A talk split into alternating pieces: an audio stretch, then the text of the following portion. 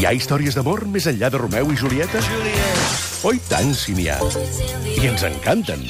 I encara ens agrada més com ens les explica la ministra d'Afers Amorosos de l'Estat de Gràcia, Sílvia Soler. Avui una història d'amors que té tots els ingredients per ser recordada. Té art, passió, bogeria, traïció i tragèdia. Estem absolutament impacients, Sílvia, per conèixer els protagonistes. Jo crec que és una història d'amor que molts dels nostres oients coneixeran de lluny o de prop, perquè, a més a més, ha inspirat pel·lícules, llibres, fins i tot un espectacle de dansa, recordo, de la Marta Carrasco. Per tant, eh, segur que us sonen algunes coses, però avui la repassarem una mica allò fent-ne una petita novel·la. Avui parlarem del gran amor que va haver-hi entre l'escultor francès Auguste Rodin, considerat el pare de l'escultura moderna, l'autor del Pensador o del Bes o d'altres peces meravelloses, i la seva deixeble Camille Claudel. Rien de rien. Il ne se passe jamais rien. Pour moi, je me demande pourquoi. Rien, rien, rien. Il ne se passe jamais rien. Com feia aquesta R, aquesta senyora, de veritat? A mi Sí, eh? Sóc incapaç, Espectacular, eh? Rien, pour Rien. moi, je me demande pourquoi. Rien, rien, rien. Més no se'n deixa se ni una, eh?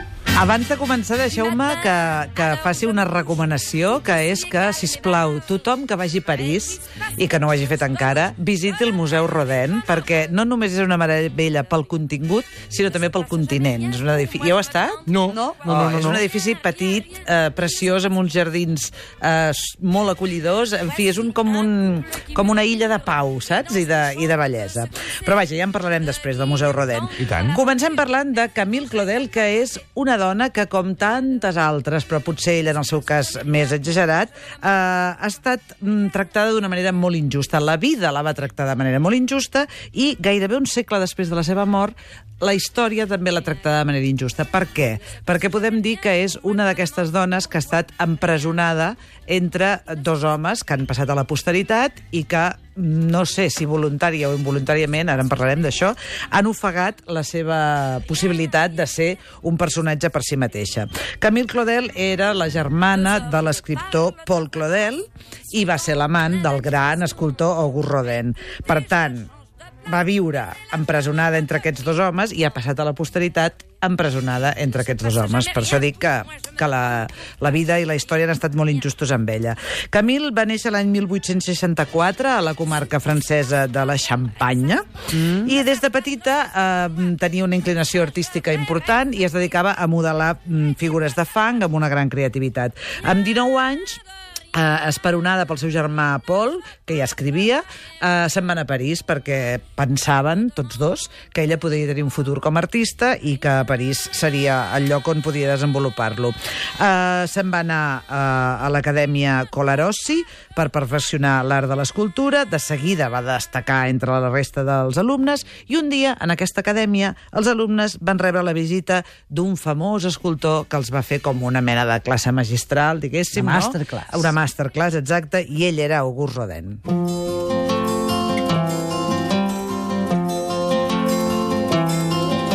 Moi je n'étais rien et voilà qu'aujourd'hui je suis le gardien du sommeil de ces nuits, je l'aime mourir. Vous pouvez détruire tout ce qu'il vous plaira, elle n'a qu'à ouvrir l'espace de ses bras pour tout reconstruire, pour tout reconstruire, je l'aime mourir. Uh, Camille va quedar enlluernada per l'atractiu de Rodin, però Rodin també de seguida es va fixar en aquell alumne. Camille era una noia d'una bellesa, mm, jo trobo que espectacular. Si voleu, busqueu-la, hi ha poquetes imatges, però les que hi han de seguida es veu clar que és una noia especial. Tenia uns ulls clars enormes, uns llavis ben dibuixats, i Rodin es va fixar tant en el seu talent co uh, com en la seva bellesa. En quin ordre? Mm, No ho no ho sé, sabem, eh? això no ho sabem. És difícil no ho de dir. sabem. Aquesta primera fotografia, per Molt, exemple, molt, que sí, surt, molt guapa, eh? és una noia guapíssima. El cas és que, de seguida, Auguste Rodin li va proposar a aquesta noia, a aquesta jove eh, estudiant de- d'escultura, que s'incorporés al seu equip de treball en el seu taller Sí. particular, per dir-ho així. Eh? La jove aprenent d'escultora va passar de deixeble a musa i de musa a amant, que això era bastant previsible. La diferència d'edat, l'hem dit, més o menys? Um, ella no, eh? tenia 19 anys, ella era joveníssima, i ell ara no, no et sé dir, però ba- ba- bastant més, Mm. Més de gran, 30 eh? segur. Sí, sí, sí, sí, sí. Jo crec que potser uns 40, però vaja, no, no, no me'n recordo. Um, com que el seu rostre, el rostre de Camil, aquest que hem vist tan bonic, amb els Sí. ulls clars i els llavis mm, molsuts, sí, sí. va començar a aparèixer a moltes de les escultures de Rodin. Què va passar? Que, com que Rodin tenia una parella estable, no estaven casats, crec, però tenia una parella estable, es va muntar un escàndol Qui és força aquesta? inevitable. Qui és aquesta eh? que sempre Exacte. dibuixes i Exacte. esculturitzes? Els pares de Camille Claudel es van enfadar perquè ella tenia 19 anys només i, d'altra banda, els cercles artístics de París van començar a posar en dubte que les primeres obres de Camille, que ella també feia la, la seva producció, fossin realment obra d'ella. És a dir, deien, aquí hi ha la, Hòstia, no li surt bé a ningú la jugada. el eh, talent de moment. Rodin amagat aquí darrere i, i sembla ser, això, jo de veritat que no ho sé, i per més que he llegit eh, que recordo que vaig llegir fa molts anys una biografia de Camille Claudel que era molt precisa, però sembla ser que la història podia ser fins i tot al revés, és a dir, que Rodin feia la seva obra, no? la, el que fos, el bes, posem per cas, no? Sí. I llavors, però tenia la idea, que ja és molt, diguéssim, i feia un, un esbós, el que sigui, i llavors els hi deien als seus, en el seu equip, vosaltres acabeu-la. I Camille Claudel hi aportava un talent molt determinat que ni el, els crítics, ni el públic, ni el mateix Rodin va reconèixer mai. O sigui que seria mm, una doble ofensa, per dir-ho així, no? Ahà. Les obres que feia ella, tothom es pensava que les feia Rodin, i a les de Rodin on ella participava no se li reconeixia el mèrit. Fot el camp, Camil, fot el camp Eh d'aquí, sí? perquè no t'està Eh sortint a sí? compte, això. A tot això, Rodin tenia 43 anys quan es Veus? van conèixer. Veus? I estava granadet, eh? No era que, Imagina't, que és de madurar ni imagina't. res. No sí. són els 43 d'ara, diguem-ne, no? No. Uh, a tot això, a sobre, Rodin li anava fent promeses eh, inflamades d'amor a Camille, dient-li que deixaria a la Ros, que, que es deia la No seva, s'ha sentit mai, la seva història. parella. És la primera vegada que la sento, La deixaré, història. la deixaré i acabarem casant-nos. I també hi ha mm, una, mm, una... Anava a dir una llegenda, però tampoc m'atreveixo a dir que sí, llegenda. En tot cas, és una història no confirmada, però sembla ser que Camille podia haver-se quedat embarassada i Rodin la va obligar a avortar. Vull dir, no faltava Això de tampoc, això, no, mai, mai, aquesta també Eh? és la primera vegada que ho sento, això, també. A què li diríem història d'amor, no? Exacte, sí senyor, això No és culpa si- meva, com, com, com, com Ella, ella sempre està a la trinxera. Maria no, Rovira. però escolta, uh, jo crec que, que si Camil no, no hagués estat molt enamorada de Rodin, no hauria acabat com va acabar. Vull dir que ella se l'estimava, ja que Rodin se l'estimés amb ella ja seria una altra, una altra cosa. Bé, aquesta uh, història del possible avortament uh, obligat de, de Camil va ser perquè ella va començar a fer escultures de nens, amb cares d'infants i tot això, i es va interpretar doncs, que potser ten- tenia aquesta pena, a part de moltes altres. Bé, l'última obra que van fer tots dos junts, que van col·laborar, Sí. es diu L'edat madura, i és una escultura en bronze d'una dona nua i agenollada que suplica a un home que no se'n vagi. Oh! Què et sembla, això? Vamos a hacer una cosa, Camil. Vamos a hacer una escultura donde yo soy el bueno y, mírala, ja la veig aquí. Eh, La veus? Ell se'n va cap a l'altra banda, deixant a la dona agenollada Sí, enrere, sí, sí. perquè un àngel l'estira en sentit contrari. Vull dir, L'àngel de tengo que salir a comprar tabaco. Exacte, exacte, exacte. L'edat madura, eh? L'última escultura en què van col·laborar tots dos.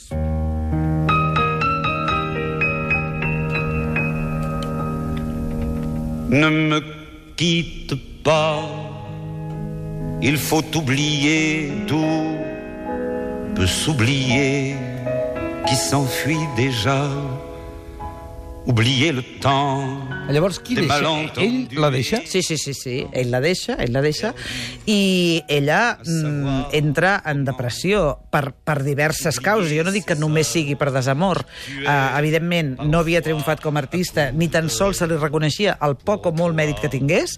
Uh, L'home que ella volia no l'estimava, i els, la seva família no li feia costat perquè consideraven, segurament amb bon criteri, que ella s'havia equivocat passant tants anys al costat de Rodin.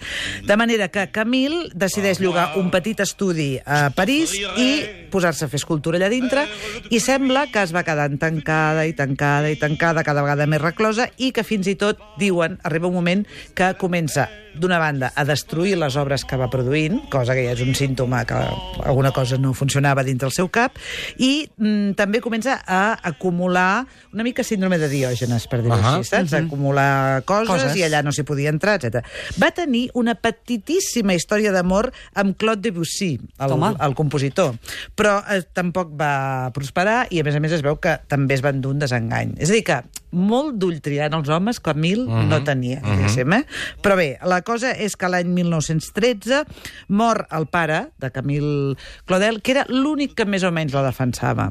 En canvi, la seva mare i la resta dels germans eh, pensaven que Camil directament havia embogit i treballaven en, aquesta hipòtesi, per dir-ho així. Eh? Eh, van passar uns quants anys, ells intentaven eh, eh, ajudar-la, diguéssim, clar, depèn de qui ho expliqui, diguéssim. Sí, sí, no? sí, sí. La família explica que intentaven ajudar-la i que ella no es deixava, i el cas és que quan ella tenia 49 anys, un dia uns infermers entren al taller de Camil Claudel per ordre expressa de la seva família, mare i germans, i se l'enduen a un centre per malalts mentals, allò que abans en deien un sanatori. Sanatori. Us heu d'imaginar, eh, doncs, a començament de segle, a París, com eren els sanatoris. Bueno, a París o qualsevol A tot lloc, arreu, sí, sí. Com eren els sanatoris. Vull dir, estem, no estem parlant dels sanatoris que No, ara no. tenim al cap, sinó de realment una residència tètrica on ella està eh, totalment empresonada. Vull dir que li prohibeixen tenir relació amb ningú, eh, tenir visites, fins i tot escriure's. A tot això, el seu germà Paul Claudel, el qual admirem com a escriptor,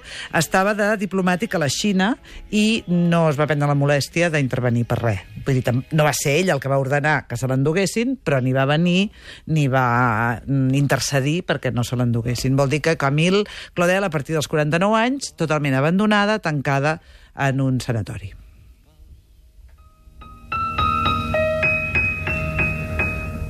Aïlladíssima, no? aïlladíssima i amb un diagnòstic que, mm, sorprenent que diu eh, mania persecutòria i deliris de grandesa. Bueno, bueno. I Rodin no, no? No tenia Però- deliris de grandesa. Exacte. No, No, és que era gran. No, i Paul Claudel, no.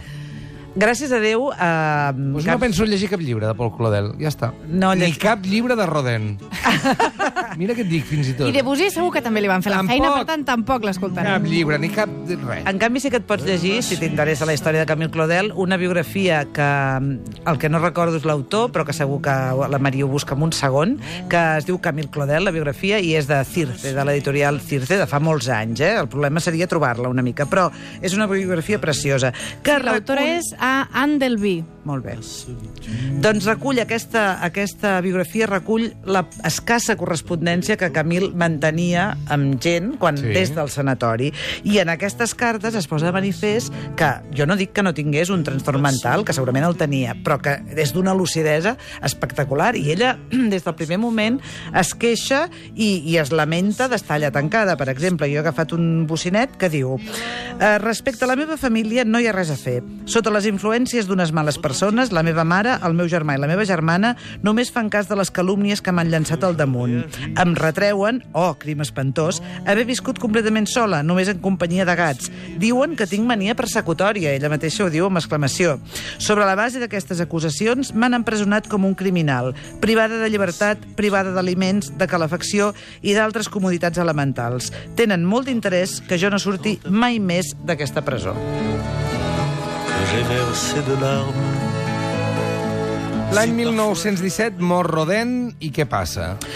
Uh, ell, Rodin, l'enterren al costat de la seva parella de tota la vida, aquesta dona a la qual no va deixar per Camil, i Camil eh, va estar reclòs al sanatori durant 30 anys, està aviat dit, eh? 30 anys tancada, eh? Per favor. Les obres de tots dos es podien veure fins fa poc a aquest Museu Rodin de París, que us recomano que visiteu. Uh, ara, la, les obres de Camil s'han desplaçat, perquè hi ha un ajuntament, un poblet a prop de París, que es diu Nogent-sur-Seine, que és on ella vivia d'adolescent, i l'Ajuntament ha fet un petit petit museu que es diu Camille Claudel, on hi ha, eh, és la casa on vivien els Claudel, i hi ha quasi la meitat de la seva obra reconeguda. Mm. Això no treu que visiteu el Museu, el museu Rodin, que és fantàstic, eh? però podeu eh, fer aquestes dues coses. El museu, a més a més de reunir aquesta obra, vol defensar la tesi que diu que Camille es mereix un reconeixement com a escultora i no només com a alumna avantatjada de Rodin o com a víctima del, del seu amor.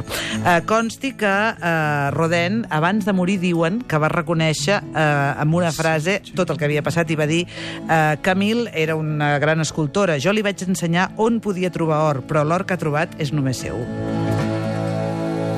Aquesta és la història d'avui d'aquest amor particular de la Sílvia Soler. Gràcies, Sílvia. Fins ara. Fins ara.